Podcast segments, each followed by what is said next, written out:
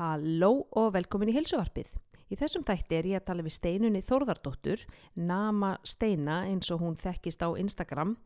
Hún er jókakennari, hún er nefandi sjúkraþjálfun og hún er einnig þjálfari í Granda 101 þar sem hún hefur verið með svo kallaða rehab-prehab tíma sem eru svona fun functional mobility tímar með forvarnir í huga. Uh, hún er einnig með persónlega reynslu, mikinn áhuga, þekkingu á asma, áreynslu asma og hvernig hann kemur fram. Hún hefur sjálf persónlega glýmt við asma frá batnæsku og hvernig streyta hefur áhrif á asma og ofnæmi og eksem. Og við förum um víðan völl í þessu viðtali, tölum ekki bara um asma, heldur líka bara mikið um streytu og hvernig við getum tæklað hana og og einnig hvernig reyfingin hjálpar okkur við að, að halda streytunni í skefjum, eh, hvernig asmin hefur, hefur áhrif á, á áreinsluna og hvernig við upplifum hana og þetta er mjög fræðandi og gott vital og mjög, mjög skemmtilegt að tala við steinunni, hún er mikil ofur kona. En þátturinn er sem fyrr í bóði lífsalt. Nú lífsalt er tiltölu nýtt salt á markanum, það er með 60% lægra natrium en hefbundið salt. En nýlega klínisk rannsók sem var framkvæmt í Hollandi síndi að með því að skipta úr venjulegu salti, borsalti, yfir í lífsalt sem hefur lægra sótjum en herra eh, kaljum og herra magnésium, það síndi að blóðþristingur lækkaði verulega hjá fólki með milda til svona miðlungs uh, háþristing og þetta er svona gefur von um leið án livja til þess að lækka blóðþristing. Nú lífsalt finniði í bónus og, og fjárðakaup og hagkaup, þetta er í svörtum pökkum, litlum svona fallegum svörtum öskum. Nú þátturinn er einnig í bóði ná á Íslandi og nú langar mig að bæ, mæla sérstaklega með E-vitamin ólíunu á það nú vel við efni þáttarins. En E-vitamin ólían er eitt svona virka efnið í rukkukremum og ég hef notað hana sjálf í mörg mörg ár bara löðurinni beint á smettið áðurinni fyrir að sofa. Og hún er mjög þykk þannig hún er, henda nú ekki vel svona sem dagkrem eða undir farða. En E-vitaminolían er líka virkar vel á eksem og, og þurkubletti og þau eru til dæmis með mjög þurra og sprungna hæla þá getur e, e, bara smá E-vitaminolía fyrir svefnin alveg gert sko kraftaverk Eh, E-vitaminólían virka líka vel á sár og til dæmis fyrir okkur crossfit-melina þegar við erum í upphefingum og, og, og tæri slá þá vilja nú lófatnir ofta ripna og það þarf ofta bara nokkra drópa af E-vitaminólíu og sárið er gróið á 0,1. E-vitaminolían fæst inn á náfoods.is, einni fæst hún í háverslun á háverslun.is og kóðin rakkanagli 20 gefur ykkur 20% afslátt af öllu þar, hvort sem það eru návörur, Converse, Houdini, frábæri sænsku útivistaförurnar, Speedo sundfatnaðurinn, Converse skotnir og svo er einnig uh, nóg af Nike uh, vörum og en afslátturinn gildir því miður ekki af af þeim en af öllu hinnu. Nú, þessi þáttur uh, er afar fræðandi og skemmtilegur. Ég vona því að njótið jafn vel og ég gerði að tala við steinunni. Gjör þessu vel, hér er heilsuvarpið.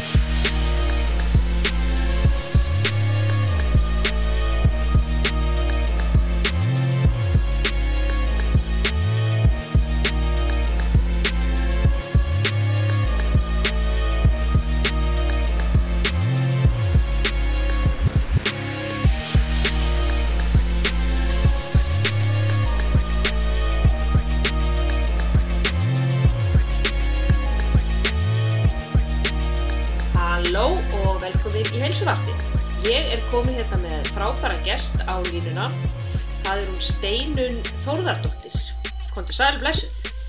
Blessu. Takk fyrir að hafa mig. Já, heyrðu, takk fyrir að hafa samband. Þú hafið samband um mig og kynnti fyrir mér þetta frábæra sniðu að námski sem að þú ert með, sem að er eh, fyrir börn með asma. Já, Já, þessar. og þetta er sagt námskeið fyrir, fyrir börn sem að e, hafa þurft að vera bara í venjulegum íþróttum í skólanum og, og þar eiga þau bara að fylgja hinum krökkunum en þau passa ekki almennilega inn í hópin þar þannig að það, það svona vantaði kannski eitthvað svona sértæk úrræði fyrir þennan hóp og hvað var til þess að þú ákvæmst að taka það þér? Um, já, mín eigin saga, kannski svona fyrst og fremst. Já, deildin er nú með okkur. já, ég er sem sagt uh, sem barn, var með mjög mikið nasma. Alveg þannig að ég fór ekkert út í sjoppa og sem maður pústi alltaf á mér. Mm, okay. Og svona þekkt fyrir að vera svolítið svona anti, anti-sportisti fyrir vikið sem er svolítið fyndið í dag. Mm, mm -hmm. um, ég hérna kunni illa að kljást við þetta nema þá bara með lifja notkun og uh, og við fekk svolítið bara frí í íþróttum, frí í sundi mm. sleppir þessu bara mm. jú ég var eitthvað að æfa fimmleika en það var samt svona já já sleppti þessu bara þú ert Mm. ekkert að -hmm. Passaði þig bara -hmm. um, og mér fannst svona mér fannst íþróttakennurarnir mínir í skóla þetta var alltaf svolítið langt síðan en, en samt, mér, mér þótti þeir svolítið bara hrættir við mig Mm. og þeir fannst eiginlega þælar að ég sæti bara að horfa á æfinguna Mér finnst þetta, já, mér finnst þetta þegar þú segir þetta, þetta er rosa fyndi því að sko íþrótta uh, leikfimi í gamla dag, uh, þú veist, einmitt eins ótrúlegt að það hljómar, þá var ég ein af þeim allra, allra vestu. Ég var, ég var skelvileg í leikfimi ok, og það að þurfa að klifra, ég man alltaf eftir, ég var alltaf að vera eitthvað svona mælikvarði, áttum að klifra upp kaðal. Ó, já, Já, mannst þetta því? Og, Já, og ég átti eftir ekki, ég átti ekki breykið þetta, skilji, ég komst ekki eins og frá jörðinni. Ég skildi ekkert hvernig á ég að gera þetta. Og Nei. þá var bara sagt, heyrðu, sleftu þessu bara og gerð þú bara eitthvað svona ringi í, í, í köðlunum. Þannig í staðin fyrir, ég oft, ég oft talaði um þetta síðar, í staðin fyrir að kenna mér, heyrðu, þú gerir Já. svona svona, að Já. þá fegstu bara að sleppa og gera eitthvað, eitthvað auðveldara. Þú, þið, þið, ma maður fekk einhvern veginn enga kennslu í færnu, það var þetta að fá að sleppa sem að mér fannst svo eitthvað skjóta svo skökku við og einmitt eins og hjá þér, þú ert bara látið sleppa í staðin fyrir að vinna með Já. það sem ég allavega getur gert. Já. Finnstu að tala um hana kaðal? Já, nákvæmlega sömu sögum, hana helvitis kaðal. Mhm. Svo, svo fyrir maður bara sko fullorðin að þjálfa, þá flýgur maður upp eða því að mann er kent. Hvernig, hvernig maður á að bera sig. einmitt, þá fara að læra tæknina. En Já. það var einhvern veginn eins og þið bara nefnt ekki eða hefði bara ekki tíma eða bara nennu til þess að taka einhvern einn aumingja fyrir og, og, og sína, sína honum. Þannig að ég lærði þetta aldrei, ekki fyrir ná fullorðis árið, sko. Nei, einmitt. Já, þannig að þú ert þarna bara að sleppa á... á Þannig er ég bara að sleppa og svo, svo verði ég úlingur og ég var skáti og var í hjálpasveit og mér langaði svo mikið að vera í fjallabjörgunum flokkan. Ég var bara alltaf með asma. Mér varst Mm. þetta svo ógæðslega spennandi að fá lampum fjöll en ég var alltaf með asma þannig að þú veist, Mm, ég er bara dætt út af því. Svo er ég um tvítugt. Þá hérna fannst mér ég hafa eitthvað fitnapínu sem svona var náttúrulega ekki neitt, en allavegna. Ég eitthvað ákvaða að hætta að vera úlingur og borða nammi öll kvöld og horfa bíó. Og, og hérna uh, fer ég eitthvað skona átak eitthvað. Og, og þá bara, þú veist, mæti ég fyrst skipti líkarsættastöð og ég man ég hataði það fyrst. En um, fyrir tilviljun þá var það prógram svolítið gott fyrir astma því að aðra hverju viku þótti ég taka eitthvað sem hétt brennsluæfing þá Mhm. sem er bara þól þjálfun og hún var svolítið svona intervall sem er akkurat það sem astma fólk þarf. Mm, þannig að ég gati alltaf svona aðeins pússa mér um, en bæði þú veist með langri uppbytun og aðeins að pússa og svo kvíla á milli og aðeins að pússa og kvíla á milli. Mm, og svo bara eftir þú veist, þetta var eitthvað 12 vikur Hmm. þá var ég livjalaus nei, um, halló, hvað er að frétta? Ég var líka sko þakkin exemi ég var bara öll í exemi já, það far, fór líka og Já. ég náttúrulega líka tók mataræði í gegn og fór eitthvað að skoða það í fiskitafinni Mm. og þá er ég bara eitthvað ok, þetta er eitthvað sem ég þarf að kalla betur skoða betur. Mm. svo komst ég að því að ég bara mér finnst skemmtilega en að hreyfa mig. Mér líður hvergi betur. Mhm. og ég er með bullandi keppninskap sem ég hafði bara ekki hugmyndum ok, og ég enda á að keppa eitthvað til þess að þrygmistralum, litla astmalúðin já, um, og gekk bara úrslega vel um, þannig að það er svona, og allt í líka að ég labba upp á fjöll og ég gæti gert bara alls konar, alls konar hluti og, og þannig, þannig svona kannski byrja mitt ferðalag. Veistu það, þín saga er bara eins og mín. Er það? Já, ég var, Ok. var, var, var tvítug, nýbyrju með, sem ma maðurinn minn í dag, kærastan minn um þeim tíma og náttúrulega, Já. þú veist, búin að fitna svolítið og komst allt í einu ekki í jólaföttin hann einhvern tíman um sumarið og fór í ræktina og fannst það glata og hundleðilegt en, en þar, ég, mín saga var, sko, ég, ég þar fann ég, fann ég mig að lifta. Það að mér alltaf leiðilegt já. að laupa og svo einmitt kefti ég svo í þrekmestarnum og Nei. Jú, jú, ok. þannig að við erum þetta bara sömu, sömu línu, sko. Bara einhverjir lúðar á bekknum í íþróttum í gamla dag og svo bara orðnar bara einhverjar rey dúrasel kanninur í dag. Ef svona ekki við sér svona late bloomers. Jú, við erum þessu. nákvæmlega. Það er, það, það er nú oft, oft þannig, sko, sígandi lukka er best. En, en mér finnst svolítið áhugavert að svo varst að segja, interval þjálfun er góð fyrir astmafólk. Af hverju það? Já. Um, af því að þú vilt í rauninni þennja svolítið lungun og reyna á þau og þú þarft svolítið að finna þessi þólmörk þín um, en þú verður að fá breykið á milli sem. Þannig að þú þennur þau þessu upp Mm -hmm.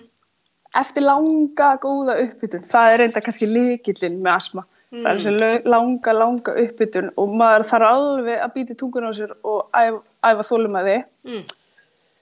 Og svo er það intervall. Það er eiginlega það besta sem þú getur gert. Af því að, já, þú ert svona aðeins að þennja og svo hefur næðið og rými til þess að aðeins að komast tilbaka og átt að, ok, er þetta astmakast? Nei, þetta er vantilega bara mæði Mm og, hérna, og róa kerfið allt líður aftur og svo aftur keirur á stað. Þannig að þetta sko að fara, keira púlsinn uppi, eins og þú veist það sem ekki vita þá er intervallega lótuþjálfun, þar sem við erum að keira púlsinn upp í 85-90% hámarspúlsi í bara 15 til 60 sekundur og síðan erum við að taka þessa sko annarkvort jafnlanga, tvöfall lengri pásu á milli þar sem við leifum lungunum að fara niður og púlsinum að fara niður aftur tilbaka áðunum fyrir minni næstu lótu, vinnulótur. Já, Hversu hátt upp má, má púlsinn fara hjá astmasjúkling? við erum meira að miða við sko blástursmæla í rauninni. Við notum frekar sko aðeins að, sagt, þannig að við erum ekkert mikið að spá í púlsinum Við notum blástursmæla til að sjá sko hvort að uh, pefið eða hvort þetta sé að þú veist hækka, það lækkar þá ertu komið astma slag, Mm -hmm. uh, þá er bara súrefnisflæðið, þá er eitthvað að fara að lokast. Uh, þannig að, að það, já, svo kemur þetta hægt og veist, e- eftir þjálfun, eftir góða þjálfun, þú ert búin að vera svolítið í þessu, þá getur þú bara að fara að vera eins og aðrir, þú veist, þú getur alveg farið upp í 80% af max púlsi, Já. játnuvel, þú Get- veist, getur en þú gerir það ekki strax, en þú gerir það hægt og rólega, Mhm. það er svolítið að finna þinn takt í því. Og þú segir að það, það sé, það sé nöðsilegt að taka langa uppbytun. Já, Hvernig lítur það út? það er bara þannig, þú byrjar ekkert til dæmis á því að hlaupa, ekki einustu skokk, Eh, það er bara það síðasta sem astmasjúklingur ætti að gera. Mm. Um, þú þarfst bara að byrja því að labba, labba nokkra hringi, aðeins svona finna blóðflæði fara á stað, Mhm. svo getur aðeins gefið í, um, og það er svo þú þurfir að hýta allt kerfið alveg tvisar sinni betur upp, hýta lungun upp sérstaklega og þess að öndun að fara vöðva í rauninni, en það er það sem við erum að, að, að kveikja á, sko. Um, Og, og það getur, hvað getur það verið langt? Til dæmis, segjum við það er 15 mínútur allavegna, þú veist, af þessu. Uh, af því að koma þólinu að kveikja á því í rauninni. Já, einmitt. Þannig að sko fyrir, fyrir ef þú ætlar að taka 20 mínúna lótið þjálfun, þá þarf Já. að vera 15 mínúna uppbytun fyrir það. Já, Já. það er alveg þannig. Akkurat. Algjörlega. En áhugavert. Þannig Já. að þú ert þannig lótið þjálfur og þú þar kynnist og því að þú ert orðin livja laus, þannig að þín saga Já. er svolítið þannig að þú finnur þar hvað reyning hefur gríðarlega áhrif á asma og, og sérstaklega þinn asma. Já, Já, algjörlega. Og þannig svona byrja ég aðeins að pæla í þessu. Svo, svo hérna, úti hlaup og úti líka sagt, hún var alltaf svona aðeins eftir á, jú, ég fann að geta að labba aðeins upp á fjöll og svona, en fannst það samt, það var alltaf pínuarfið. Svo bætist sko við jóka. Og ég held að sé öndrunaræfingarna þar um, af því að það er líka um að styrkja þessa vöðva, þetta er líka vöðvar sem við erum að nota þegar við erum að anda. Og við þurfum alltaf bara að þeir eru bara beinagrita vöðvar eins og aðri vöðvar eins og bicep. Mhm, og það er bara hægt að styrkja þá. Mhm. um, og með allum öndrunaræfingum í jóka þá ertu bara að styrkja þá í rauninni. Og svona líka taugakerfi fræðislega séð að taugakerfi bara kann betur að nota þetta og nýta áður veist að það kann að nýta hvern andadrátt betur án þess að þurfa að eigða og mikill orku í það. Ég held að það hafi verið svolítið líkillinn að því allt í einu gæti bara hlaupið úti eins og ég vildi Mm. allt í einu þú veist lappa ég fimmfurháls og er bara undan öllum og Nei. það, þú veist það skilur þetta enginn. Mm. Já, En þannig að það að æfa utan dýra er erfiðara fyrir astmasjúkling heldur en að æfa innan dýra. já, það er Já. erfiðara. Það er þegar þeir eru að vinna með meira súrefni. það er meira súrefni svo, um, svo er það þurralofti já, nú er ég svolítið með Ísland þurraloftið og kuldin hérna á Íslandi ég átti til dæmis alltaf auðvöldara með að hlaupa sko veist, eh, ég hef verið í ykkur borg í Mexiko að hlaupa í, í fáralega miklum já, hýta á raka og jafnvel sko mengun, maður myndi halda að það væri verra Já. en það er auðveldara Af því að það er svo mikill raki. Já, rakin. já, Já, já, já, já. Að ég með hér sko í Kaupmannahöfni er mjög, mjög mikill raki. Það er miklu, miklu rakara loftheldur en á Íslandi og, og maður finnur það, þú veist, ég náttúrulega finn það ekki kannski í æfingum en ég finn það á til dæmis húðin á mér. Ég verð alveg, ég skrælna all upp á Íslandi, alltaf með varaþurrk og þurra hendur sem ég er ekki með hér. Þannig að þetta hefur áhrif á, og þú talaði um þetta að aximið hefði dottið niður já nefnilega Já, er, hvað eru tengst sérst á milli XM og asma? Já, um, Eru margir sem er astmast með og- líka með XM? já, já, og ónæmi og þetta, þetta er svolítið svona sama, sami póllin, hvað á ég að segja. Um, og þetta eru sömu, þú veist núna, svo ég batt sko sem er svona fjölfæðu bráða ónæmi, þetta eru sömu genin, þó ég sé ekki með þannig að þetta er svolítið svona, farði eitt, þá er mjög mikla líkur og fár heitt líka. Já, ok, Já, já. algjörlega. Að Þú ert ekki með neitt Nei. ofnæmi fyrir neinum, neinum fæði? Nei, nei, nei, nei. Nei, nei, einmitt. En hún fær asma og, og, og hún er með XM. En þetta er bara eitthvað, eitthvað svona stökkbreytt gen. Þetta er, þetta er, ég, svo sem kannski engin sérfræðingur þannig, en mér finnst þú þetta líka uh, læknisfræðin, þau, það er ímislegt í þessum ónæmisfræðum sem að bara er ekki ennþá. Nei. Því miður. Nei, Þannig það að- er ótrúlega margt sem við ekki vitum og mér finnst alltaf áhuga áhugavert eins og með XM og öll svona húðvandamál hvað læknar fara lítið í það að skoða mataræði hjá fólki og aðtuga til dæmis, maður er heilt að sko að þeim lega fólk fyrir að, að taka inn meira D-vitamin að þá, þá hverfur oft uh, bæði psoriasis og, og, og XM og svona ímis húðvandamál fyrir að borða meira feitu fiski, fyrir að taka meira omega 3 og það er bara Já. mjög oft sem að læknandi sko þeir, þeir ekki eins og spyrja um þetta og ef þú nefnir þetta þá segja nei, nei, nei, nei, nei, nei, nei, það, en löðraði hérna því allan út í þessu kremi, þessu sterakremi sem ég er að láta þið fá. Ég veit það, ég veit það. Mm. Ég held að séum reyndar einhverja kynnslóðbreytingar, svolítið, Ég eiga sér vona stað það, þarna. ég vona það. Já, já. En, en ég er líka, sko, svo er ég líka, og þetta, ég er allt tengt og ég, ég tengi þetta allt svolítið við bæði með þess að streitu og meldinguna, mér finnst þetta svolítið allt eiga heima þar. Því svo um 25 er ég grind með meldingasjúkdóm líka Mm og það var líka, þú veist, það hefur ekkert með mataræði að gera, ég alveg, hm, býtu, það er svolítið skrítið. Það ég fyrir bara að gera mína eigi tilröðinu með mataræði Mm.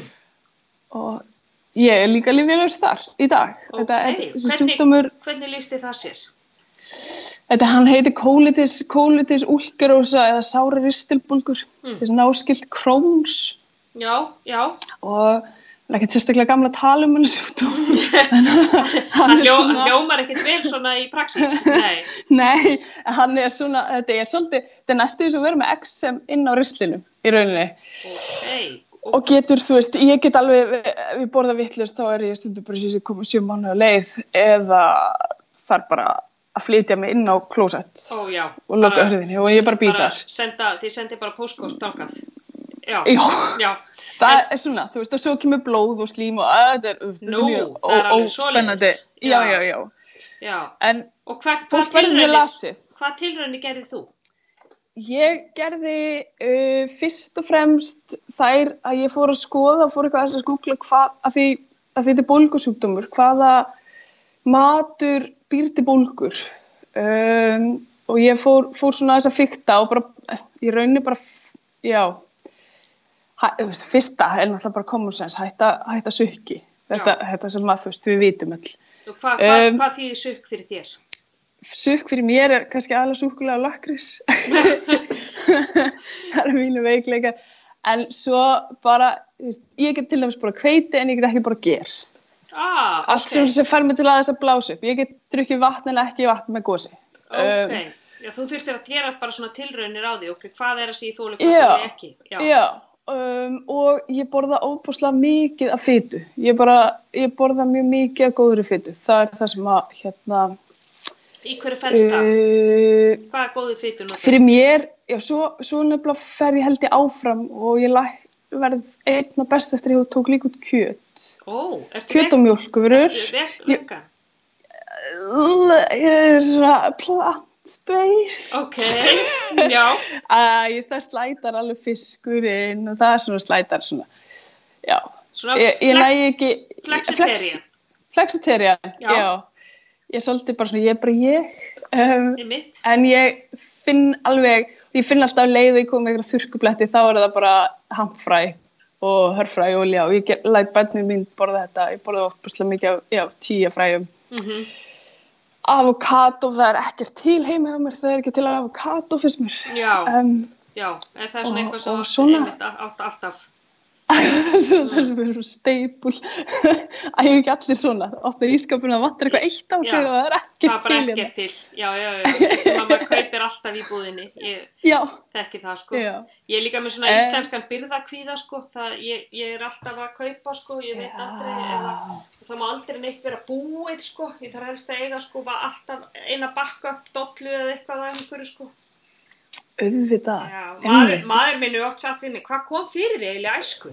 Ég sagði, veistu, ég ég er vel með húnna barn úr fósvóinu, mér skorti aldrei neitt, ég var aldrei svöng, það var alltaf nóg til, ég hef aldrei upplefað svengd eða skorti, ég veit ekki hvaðan þetta kemur. En, en ég verða eigan stæður af sko, mat og það má aldrei neitt vera búið og ef það er, ef það netusmjörsdollan er orðin hálfnu þá þurfa að fara að kaupa aðra til þess að séu öruglega til backup. örgulega bakku Já. en fyndi þetta er svona Já. ekki held ég sér íslenskt og svo er íslenska skamtablindan líka, þú veist, þegar maður heldur veislur og, og það er eins og að ég sé bara lítið þjóðuríki að koma í veislu, sko. Já, já, já, alltaf já. sko Mm, mm, emmitt já, en, en þú ert við sérst það. mikið í góðu fytunu og það er náttúrulega góða fytan og, og, og húðvandamál, maður sér það alveg, sko, ef maður kemur komið þurrkublett í skallan eða, eða framann í sig, þá, þá veit maður að, hefðu, ég er búin að vera ekki nógu dugleg í, í feita fisknum eða ég er ekki búin að nógu dugleg Já. omega eða það vantar olíunar, já, ég finn það bara um leið. Já, og ég stundur sagt það líka og þegar ég var yngri er, er samt farin að þess að pæla í þessu að hérna að ég horfa á þess að bara sem þakklæti því ég með þetta XM og astman og þetta allt að ég sé það bara utan á mér um leið og ég er ekki að sinna mér. Að, að það er raunin bara gjöf í staðan fyrir að vera veist, ok, mér tekst ekki alltaf að hugsa svona stundum hata ég þetta. En, en að reyna frekar að hugsa þetta bara ok, þetta er bara gjöf heimurinn bara gefur mér það mhm. að um leið og ég veit að ég er ekki að sinna mér þá sé ég það bara á mér Er það þá, eh, sérðu það þá í því að... og þá að sé ég það bara, þú veist, ef ég borða dætt í snakkpúkar þá sé ég það bara utan á munninum á mér þau er bara með X Mhm. þannig að, já. Já. Og það er oft, og ég hef oft sagt það fyrir okkur sem höfum svona tilneyingu til að, að fitna og, og, og, bæta á okkur versus þeir sem er einhvern veginn alltaf grannir en eru kannski svona Já. það sem við kallum innanfeitir, já, svona skinny einmitt. fat. Að við, Einmitt. þetta er rauninni bara gjöf náttúruna til okkar að, og, og, og til dæmis sko, til dæmis við, ég er allavega þannig að ég fitna í framann, ég sé það alltaf framann í mér ef, að, ef ég Já. bæta á mig. En svo er vinkonur sem að sko geta bætt á sig og það sést ekki högg á vatni framann í þeim. En Já. þetta svona heldur manni við, ok, ég, nú ég að, nú þarf ég að fara kannski aðeins að bæta mér reyfingunni, ég þarf aðeins að fara að passa matræðið mitt betur. Versus Já. þeir sem að sjá aldrei þennan, þetta útlýslega, hvort sem að það er endilega það að föti sér orðið þrengri heldur líka einmitt eins og þú segir bara það kemur eksem í kringum munnin eða þeir fara að fá þurkubletti eða það, það, þú veist, þeir finna það einhvern veginn líkamlega þeir fara að mæðast meira eða er Já. ekki þessi, þessi signal frá líkamannum að það heldur bara áfram í þínum slæma lífstíl sem að Já. síðan bara kemur aftan að þér og þó að, og þó að þú sért sko grannur, þá er það ekki sama sem merki við það að þú sért heilsuröstur. Og það er það sem að Nei. reynir alltaf að hamra á. Þú getur verið sko í vel í, holdum en þú rýfur upp réttstöðuna og þú tekur mann í nefið í alls konar æfingum og þá ertu hröstur Já, mm, algjörlega, algjörlega, vá ég er svo samanlega þessu. já Jú, ég meni, ég man þegar ég var að keppa í fitness og, og þegar ég verið sem grænst þá var ég í, sín, í, í mínu versta formi algjörlega alversta, ég átti Já. sko ég endist ekki til æfingum allar æfingar voru erfiðar ég svaf illa, þú veist, það var allt í Já. volli, en ég meni, ég var grönn þannig að fyrir En svo, svo hillu við þetta, já, spáðu því, Það er svo, þetta er svo, þetta verður svo, það er svo að selja líka þetta prógram á sixpacknuðinu. Mér, mér finnst þetta alltaf svolítið skrítið. En svona, í staði fyrir að bara e, e, geisla af einhverju hreisti, það er, selur mér allan frekar. Einmitt, hvernig er, hvernig er orkaðin, hvernig er svefniðin, þú veist, það er hreistinn þín. Já, Já, algjörlega. Já, en þú hefur verið að Algjörlega. þjálfa einmitt í Granda 101, þannig að þú hefur verið að vinna svolítið með fólk, bara svona inn á almenn Jón og Gunnu, Já, já, já, og ert með, með tíma sem heita Rehab Prehab og svona, eru mobility tímar, Já. sem þú segir, með forvarnir í huga, ertu þá fyrirbyggja meðsli, fyrirbyggja eimsli, hvað, hvað er svona Já. forvarnir ertu með í huga? já, fyrirbyggja meðsl, kannski fyrst og fremst. Um, og við erum svona svolítið að skoða, uh, jú, það er líka alveg styrkur, styrkur inn í þessu, þá er þessi litlu stöðuleika vöðva sem að við náum kannski ekki að einbytta okkur að á stóru æfingunum, eða svona öðrum æfingum. Um, og svo er ég svolítið mikið að vinna með að þú haldir sko, sérst, þú sérst ekki bara liðugur, heldur haldir styrk inn í liðleikanum og sérst svolítið að halda stjórn inn í liðleikanum þínum. Að því svo ætlar kannski ekki að gera overhead skott eða eitthvað, þú ert rosa liðugur eða þú ert ekki með neitt styrk, þú veist, í ysta ferlinum. Mm Þannig að við erum svolítið að gera litlar æfingar til þess að aðeins að styrkja þar -hmm. sem að fyrir mér er reynda líka sko, þetta er líka taugakerfi að það viti bara um, já, ég get tekið móti álagi þarna og svolítið svona fara inn í allan ringferilin í öllu liðamótum. Mm og hægt og rólega að kenna líkamlega mann ráði við álaga því að svo mistýgur þig og þá ertu ekkert að fara í einhverja linear línu um, heldur einmitt aðeins til hlýðar og ef þú ert búin að þjálfa það að þú getur tekið svolítið á móti álagi þarna Mm. þá, þá er rauninni bánsa líka bara tilbaka í staðan fyrir að þú dettir inn í eitthvað inn í liðbötin í þér eða eitthvað Mm. slíkt og ferð bara að búti vandamál Mm um, Að vöðvarnir nú- takja á móti því. Já, ég er svolítið að nota hugmyndafræði sem að heiti kynstretts sem Mhm. ég veist mjög spennandi í bland við bara, þú veist, jókað og það sem ég læri náminu mínu um, og þetta eru ég, eftir minni eftirgræslan virðist vera mest svona íþrótta sjúkraþjálfarar í bandaríkjurum sem að hafa verið að nota þetta og hafa verið að nota þetta mikið fyrir íþróttamenn þar í svo stórum hópíþróttum Já, ok, Um, áhugavert. Og þetta er svolítið hugmyndafræðin að byggja upp styrk inn í endaferlinum. Það sem að þú veist, ferillin er mjög stuttur, reyfingarnar stuttar og litlar, en þú veist að, þetta er alveg fárálega erfitt. Já, heldur bara á einhverju litlu priki og þú er bara mest þýnt í heimi að þú veist einhvern veginn á þannig stað. Já. Um, Það getur verið einmitt að, að þegar, þegar þú hefur ekki styrk sko í, þú, þegar þú segir endaferlinu, þá ertu að reyna svona end range of motion, ertu að tala um það ekki? já, Mhm. já, jú. Já, Það er auðvitað að tala um þetta á íslensku. Það er já auðvitað á það ennsku. er, ég veit að það, það er það, að því maður er líka vanur að lesa þetta alltaf á ennsku, en, en Já. þegar þú sko segir það þá, nefnilega mitt, við sko styrkur, við getum verið með þetta mobility, en mobility í rauninni er, þú, þú getur ekki verið með sko nema styrk, nema styrkurinn sé til staðar og hjá Já. sumum er það einmitt bara, segja við tökum dæmi bara nefegu, að þú ert ekki að ná að fara sko alveg niður rass í gras af því Já. að sko þú ert með á stífa ökla eða það er vant að liðleika í nýð eða vant að liðleika í mjöðum að þá er þinn end, end range of motion, þinn enda ferill í nefniðinni, hann er ekki þar hann er þá Nei. bara þar sem að styrkurinn leifir þér án þess að sko Já. þú brotnir upp Nefnilega. já, Já. Og, og þú ert sérst að æfa það að fólk komist neðar í, Já. akkurat og já. haldi, haldi þessu kontról í Mm, rauninni einmitt. á vondri íslensku, alla, alla leið. já, haldi stjórninni alveg án þess að brotna, brotna upp Já, þannig að við erum bara svona hægt og rólega að koma okkur þangað. en aðdeglisvert, já, Já. mjög Það, já. Þetta Þannig er mjög þetta er gaman. verið með á, í Granda. Granda er náttúrulega frábæstu. Já. Ég get ekki hægt að mæra hana hérna í þessu, þessu podcasti. Þetta hlustendur auðvitað komnu með, komnu með ógeða því hvað ég er mikil, Ég- granda, granda ádáandi. En það er bara, það er eitthvað gott þarna inni. Og bara leiðu lappar Já. þarna inni, þetta er svona svolítið og komin og staupastein bara, þú veist, hei, Norm! Þú veist, það virðast einhvern veginn allir vita hvað heitir og það er bara einhver góður andi og Númi og Elín og Jakko og, og Gretar bara veginn taka alltaf Já. útrúlega vel á móti manni og Nei, ég, Já. ég sendi pappa gamla á námskeið þarna sko, hann allsæll sko. Er það ekki? Já, alveg, bara taka, klín og kassahopp, ég held það, 72 ára. Ess. já.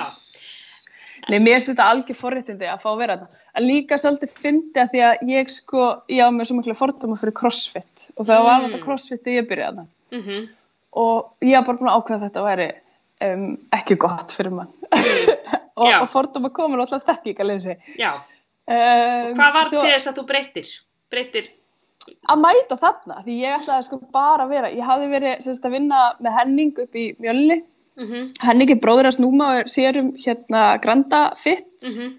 uh, og sem eru svona svipað tímar var þar vikingaþreik og eitthvað svona og ég hugsaði bara, já ég ætla bara að fara þarna ég býð hérna rétt hjá og tekka á þeim Mm og sé hvort þið sé ekki til í að hafa hérna svona tíma og ég fer og, og kem, kem með þessa hugmynd með þessa tíma Mm.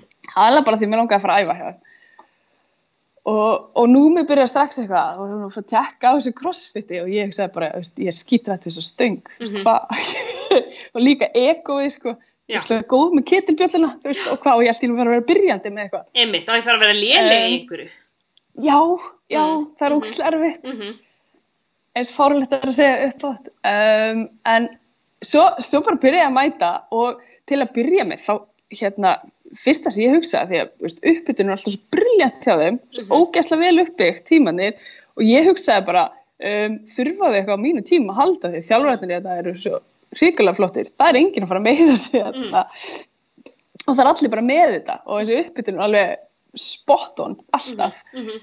um, en svo má alltaf blómum og svo bæta, þú veist, það er alltaf hægt að gera aðeins betur og skoða aðeins betur. Og það er svo gaman hvað fólk er áhugasamt um það og bara hefur áhuga að koma. Og annað kannski sem að við erum að nota svolítið í þessum rehab príab tímum er líka bara að keira taugakerfið svolítið niður, þú veist, það er jókaparturinn, bara aðeins að, þú veist, við erum bara alltaf í streitu, ég meina það er alltaf, alltaf verið að tala um þetta, en þú ert í streitu að koma krökkunum í skólan á mótnana og svo brunnar að beinti vinnuna og vinnan er eitthvað overloading og svo sækir þú krakkuna og svo ferðu og átt að fara streitulósun og æfingu og þú ert ennþá bara að keira allt kerfið upp og kerfið kann bara vera þar. Mhm. og þá er bara svo geggja að komast ykkur tíma sem einhver bara tógaði bara manuálið niður, bara Mhm. ok og nú ætlum við að anda og slaka á, en þú veist Einmitt, Af eða smá tíma í parasympatíska kerfinu.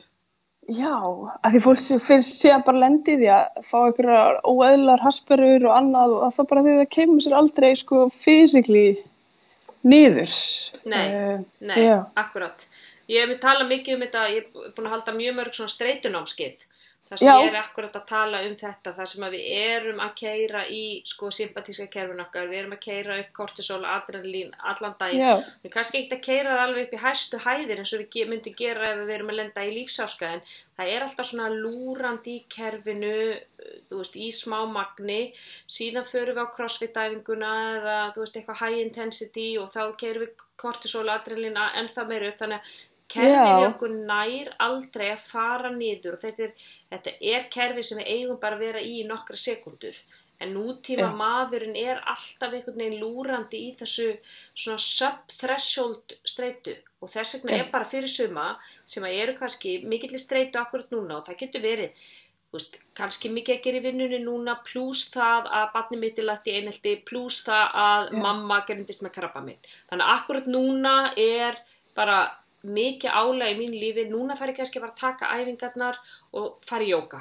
þú veist, nú þurfum ég bara að taka crossfit og kvíla það vegna sem ég má ekki við því að vera að keira streytukerfi hjá mér meira upp en það er alla, alla jafna bara hinna, hinna sko 15 tíma einmitt. Þannig að þetta er mjög sniðut, þetta, þetta jóka námskeiðum, þetta fá drífa fólk bara niður, ok, nú er ég bara komin hinga systematist til þess að fara niður í öndununa hjá mér, bara back to Já. basics.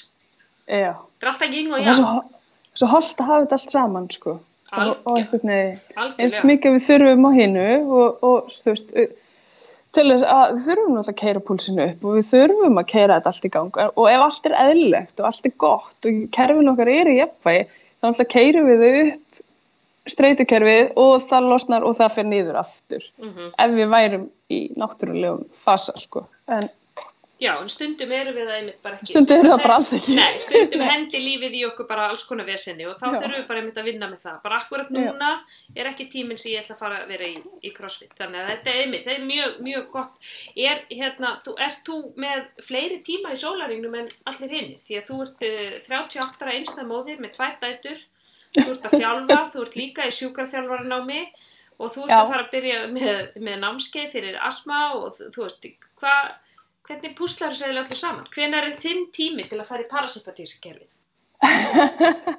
uh, hann er já, já ég púsla honum bara eftir degi en ég leita á honum og ég setja það er fórgóðsætri að gera það Mm og ég er alveg búin að keira vekk líka og, og mér fannst það vandræðilegt bara jókakennar að keira vekk í streitu en Já. ég gerði það og lýsti ég það sér? Uh, það lísti sér í svima Mm. og höfuverk Mm.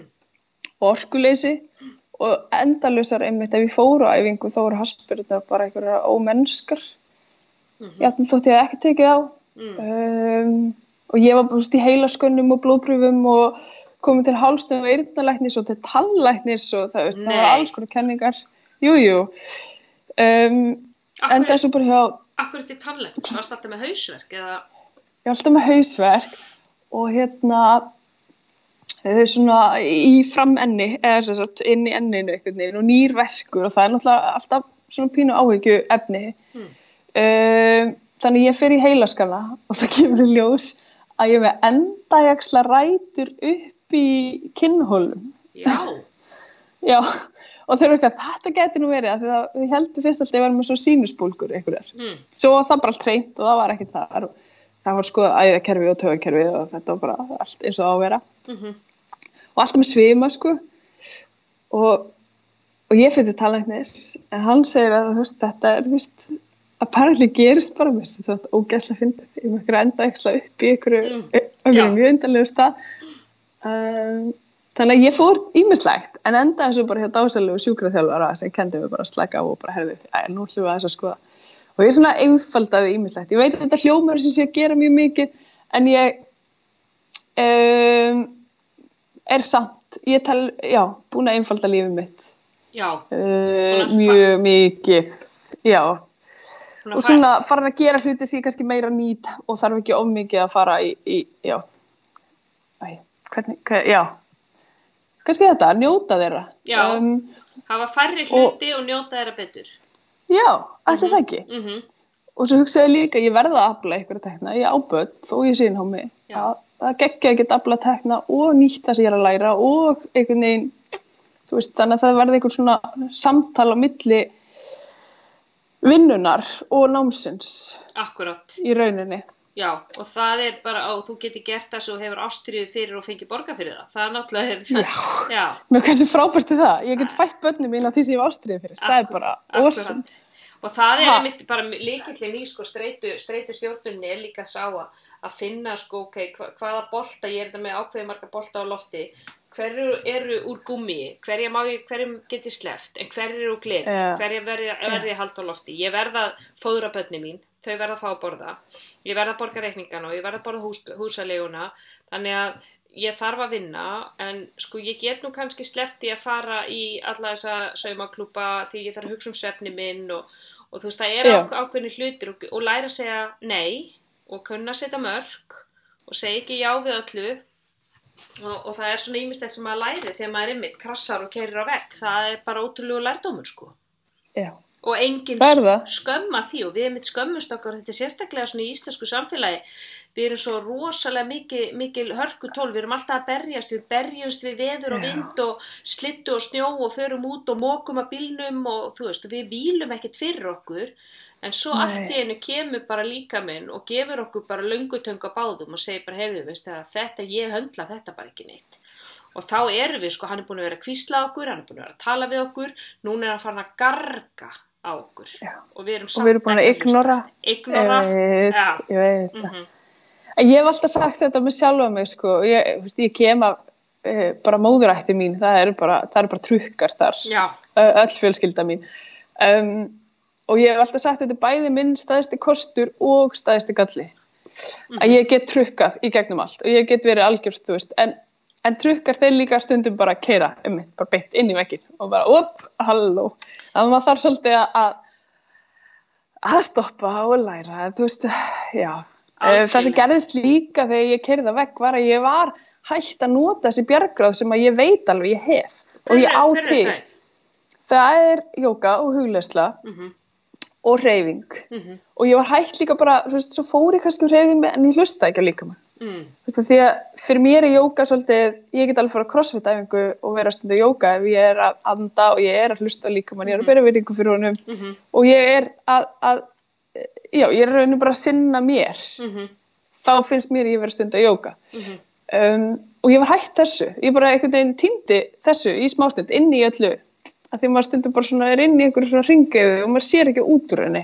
Nei, og þarna mætti asmin aftur á svæðið og meldingasjúkdómur Já. mætti á svæðið og exemi mætti á svæðið og ég þurfti bara svolítið að fara square one bara, hmm, ok. Þannig að þú sér hérna? þarna alveg klár tengst á milli streitu, asmans, exems, já, já, og, og þessa meldingavesens míns, já, En það sko er þarna, það eru náttúrulega sk- skýr tengsl á milli eh, þarmaflórunar og, og, og, asma, eh, og asma og, og meldingasjúkdóma að, og streitu, þegar að streita til dæmis, minnum að það við gerða músaransóknir þar sem að eru, að rottur eru útsettar fyrir streitu og það breytist í þeim þarmaflóran.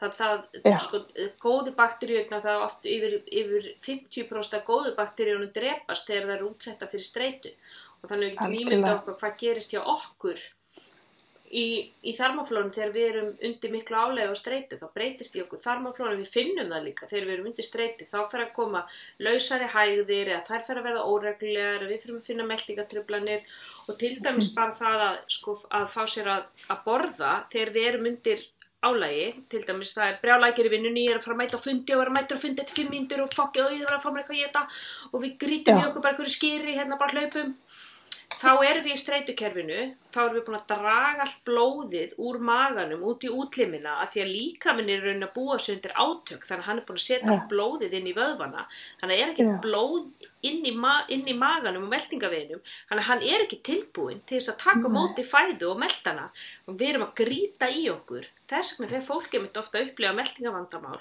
í streitu ástandi já, algjörlega og það við bara skýr- kunnum ekki að melta í þessu ástandi. Nei, þetta og- bara virkar og ekki hversu oft, hversu mikið tyggjum við þegar við erum að drífa okkur? Við tyggjum bara, Já. þú veist, einmitt þrýsa fjóru sinnum, þetta eru bara halv tugðir bitar sem fara maður svona andar matnum að Já, í álfurinni maður bara, einmitt, maður tekur hann inn bara svo meðal og þá náttúrulega þarmaflóran á ekki að sjá um þetta, ég minni það er við og, og mægin ekki Nei. að að brjóta þetta niður. Þannig að þetta eru aðeins svo ótrúlega margt sem spilar þarna inn í, bara hegðunarlega séð hvernig við erum að haga okkur þegar við erum undir streitu.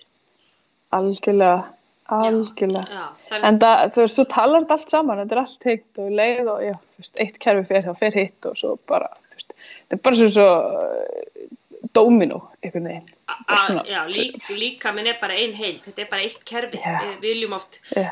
brjóta Já. niður í mörg en einmitt eins og þú segir, þú varst með hasperur í marga daga en samt varst þú kannski ekki að taka þú varst ekki að taka einhverja episka æfingu en þú varst Nei. alveg bara kannski lamaður og fatlaðir bara í marga daga það bara líka minn náði ekki að byggja sig upp aftur af því að, að, því að ég var alltaf í streitukerfinu þá bara, hann bara getur það ekki Nei, Já. hefur örgulega haft áhrif líka á, á sko svefnin hjá þér þannig að þá ertu heldur ekki að hámas endurheimt í svefninum nei, svo séum maður ekki neitt og Nei. svo liggum maður og bara slaka á, slaka á, slaka á, þú ert að slaka á mhm. og þú bara, okkur kvílum við þig ekki, Já, skerust ekki þú neitt. sopnar ekki. Já, Já, ég, það er ég, Já. ótrúlega aðtiklisvert. Þannig að þú ert, er við verið að kenna jóka og þú ert með sérst, þessi námskeið. Koma þess aftur á námskeiðinu með krakkana. Uh, sko, hvað, þú segir nefnilega að það er fræðsla fyrir foreldra, asmaveikra barna á, á þessu asmanámskeið sem að verður í sumar, er það ekki rétt hjá mér? jú, Verður í sumar í Granda, já, já. algjörlega. Og þá, hvað þurfa foreldrar asmaveikra barna að hafa í huga? Að hvað fræðslu gefur þeim? Um, ég gef þeim það sem að, og kannski ástæðan fyrir þessari fræðslu, svo ég byrgi þar, er að ég geri BS-verkefni núna í sjúkraþjálfun sem að er svolítið að skoða hvaða er sem er að halda aftur af uh, bönnum og hreyfingu með asma, bönnum með asma.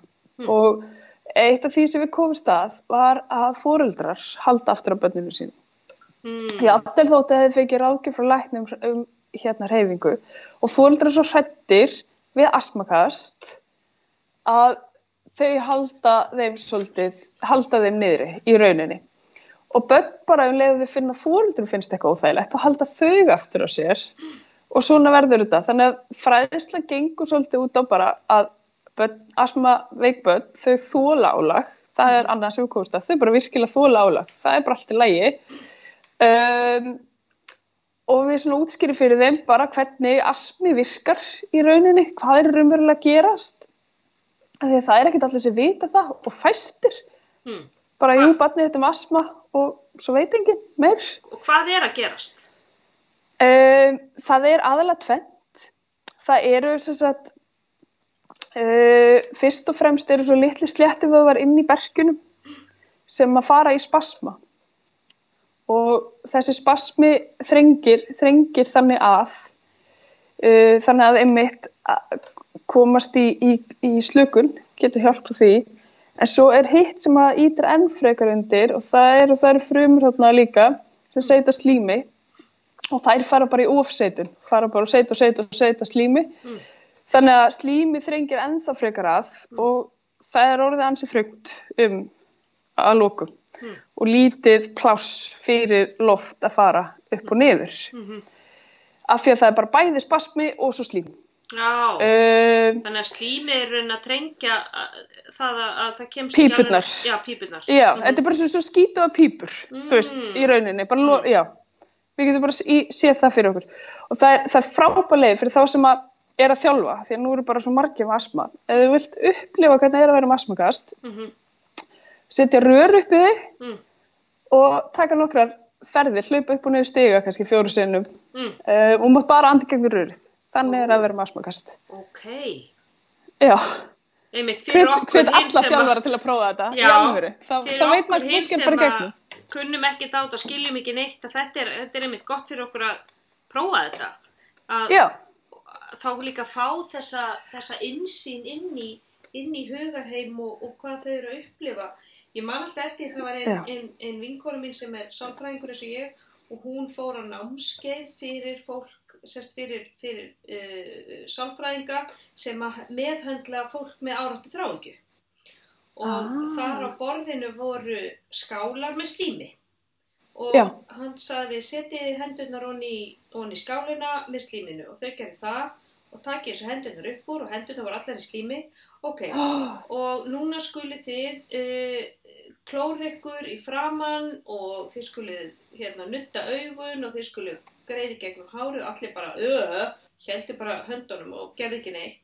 Hann sagði nei, Já. þið getið það ekki. Nú getið ímyndað ykkur hvernig fólki með áráttu þráhyggju til dæmis með svona handþvótta áráttu líður. Þeir geta Já. ekki snert neitt af því þeim finnst hendurna sín að vera svona.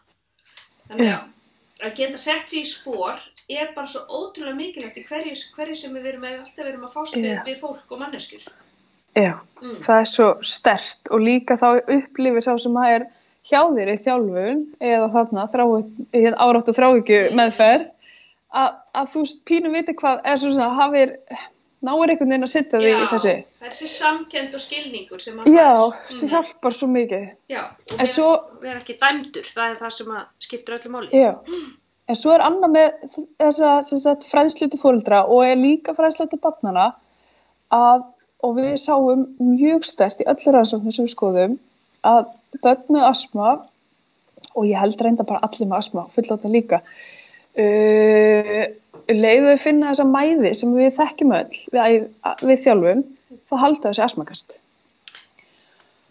og hæ, hætta og, Já, þannig að þau ruggla og, og saman bara mæði já, og aspa. já, Mm. þannig að það vantar í rauninni bæði vantar fóreldrunum fræðslu um það, þetta er ekki sami hluturinn Mhm. og við erum alveg með sagt æfingar hvernig við ætlum að, að tækla þetta og við notum þess að blástusmæla þú veist, þá getur þú séð það bara svart í hvítu nei, þú ert bara móður og þreyttu núna Mhm. þetta er alltaf læg, eða ok, þú ert með kast Mhm. alltaf læg, þá skulum við bara hæja á okkur og taka pústið Mhm.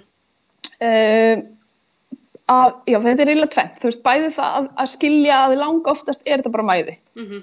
og maður þarf bara stoppa og anda og skoða, ok, ég er aðeins fann að hægja mér, ok, þetta er að lagast. Já, þetta var kannski bara mæði, þetta var bara svolítið gott. Mm. í staðan fyrir að vera hrættur og svo verður hræðislan líka og þú veist, og við vorum að tala um hennar spasma í vöðunum og þú er hrættur og þá fyrir í uh, sympatíska kerfið þú veist, það, það, og það ítir auðvitað allt og þú kannski bara færð asmakast Mhm. fyrir vikið. Mhm.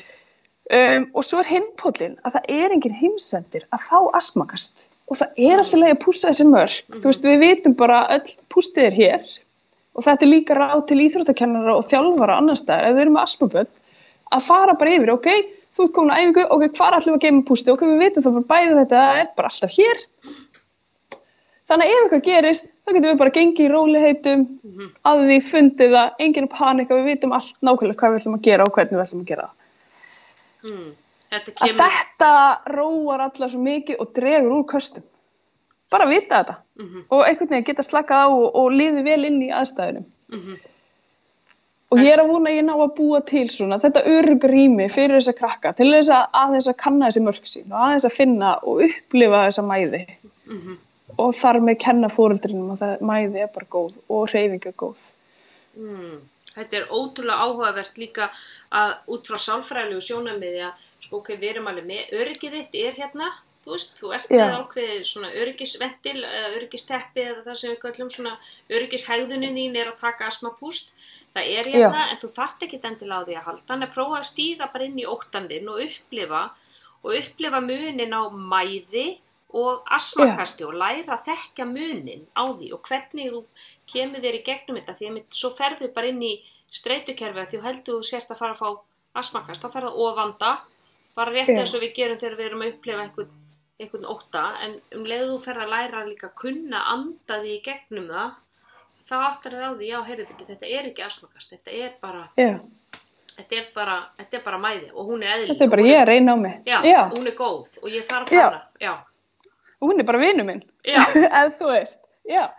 Svo, mér var svo áhugavert, það var ein rannsókn. Ég vil að verða kominni af því við vorum að tala um hérna íþróttir í grunnskóla. Mhm. ég hataði píptest út af lífinu. Ó, guð minn, alveg að það var ein rannsókn þar sem þið voru að skoða píptest mm, og hérna þess að þótt mér þetta svo áhugavert.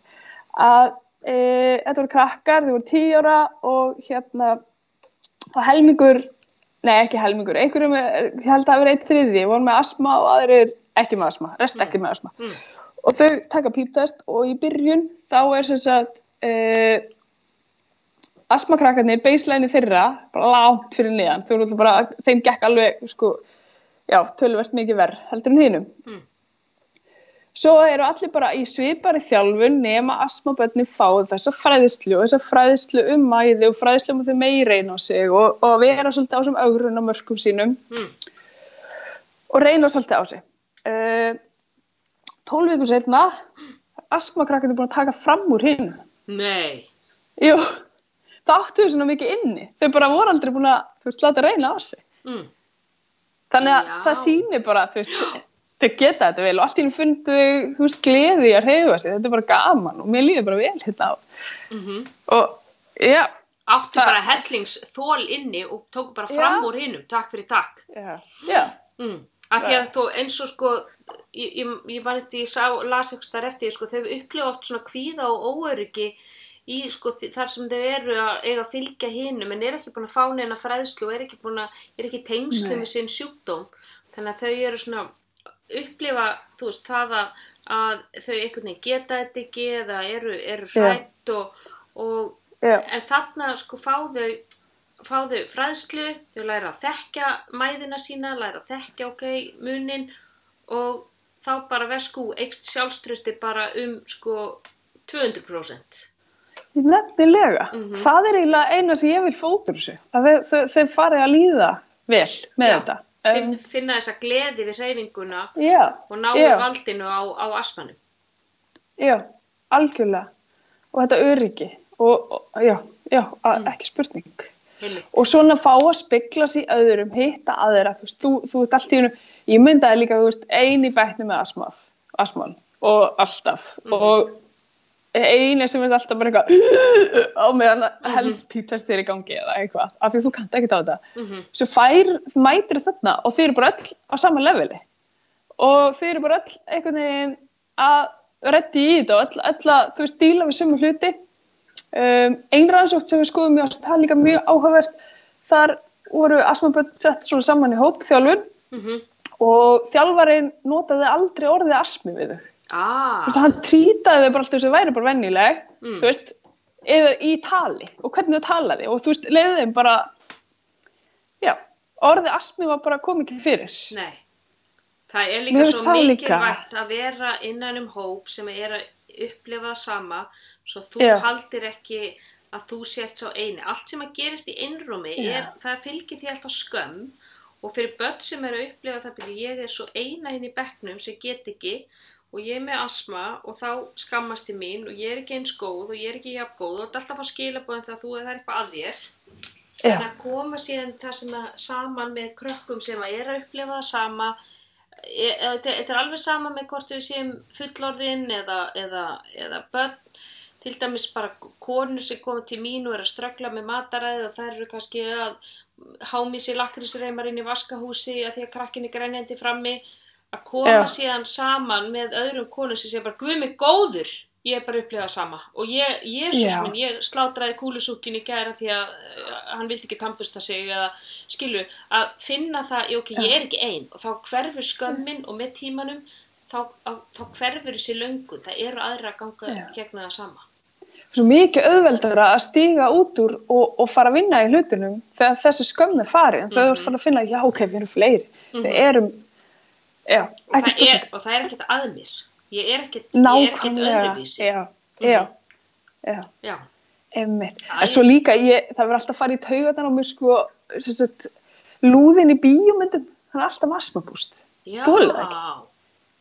Og það er líka svona ytið svolítið, þú veist, þú er finnst þið vera, vera fordómar? Finnst þið vera fordómar fyrir asma Ekki, ekki kannski beint í einhverju íslensku samhengi, en, en svona bandariska bíómyndir, já, það er bara, þó- þegar lúðin er alltaf með asmabúst. Mm. Jú, jú, kannski er einhvers konar, þetta er ógæslega leiðilegt. Já. Mér finnst þetta svo mikil óþarfi, okkur getur ekki töffan ef við erum bara með einmitt Og, og hérna, já, Já, þe- þetta er, er aðeinsvert því að, að hérna, ég meina yfirleitt sko hefur lúðin verið feitur og hann er yfirleitt alltaf með gleru já, hann nær sér aldrei í, í stelpur eða stráka og, já, og, og, og hann er með astmapúst og þetta ítir náttúrulega undir fordóma, ítir undir fytufordóma, þetta ítir undir fordóma fólk með gleru, þú veist, fólk sem er Já. rauðfært, skilur, hva, hvernig, hvernig erum við, hvernig presenterum við alltaf þann sem að er uh, jaðarsettur og, og utangáta.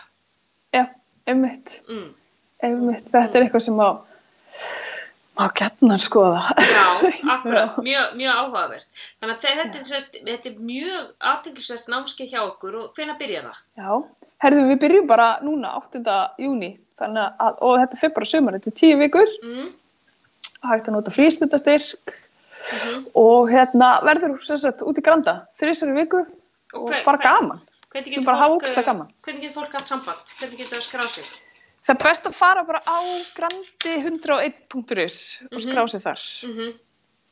Og svo velkomi að senda mig línu steina.th.gmail.com steinath.gmail.com eða fara bara á grandi 101 heimasíðuna. Hvar Já. getur fó- fólk fylgst með þér?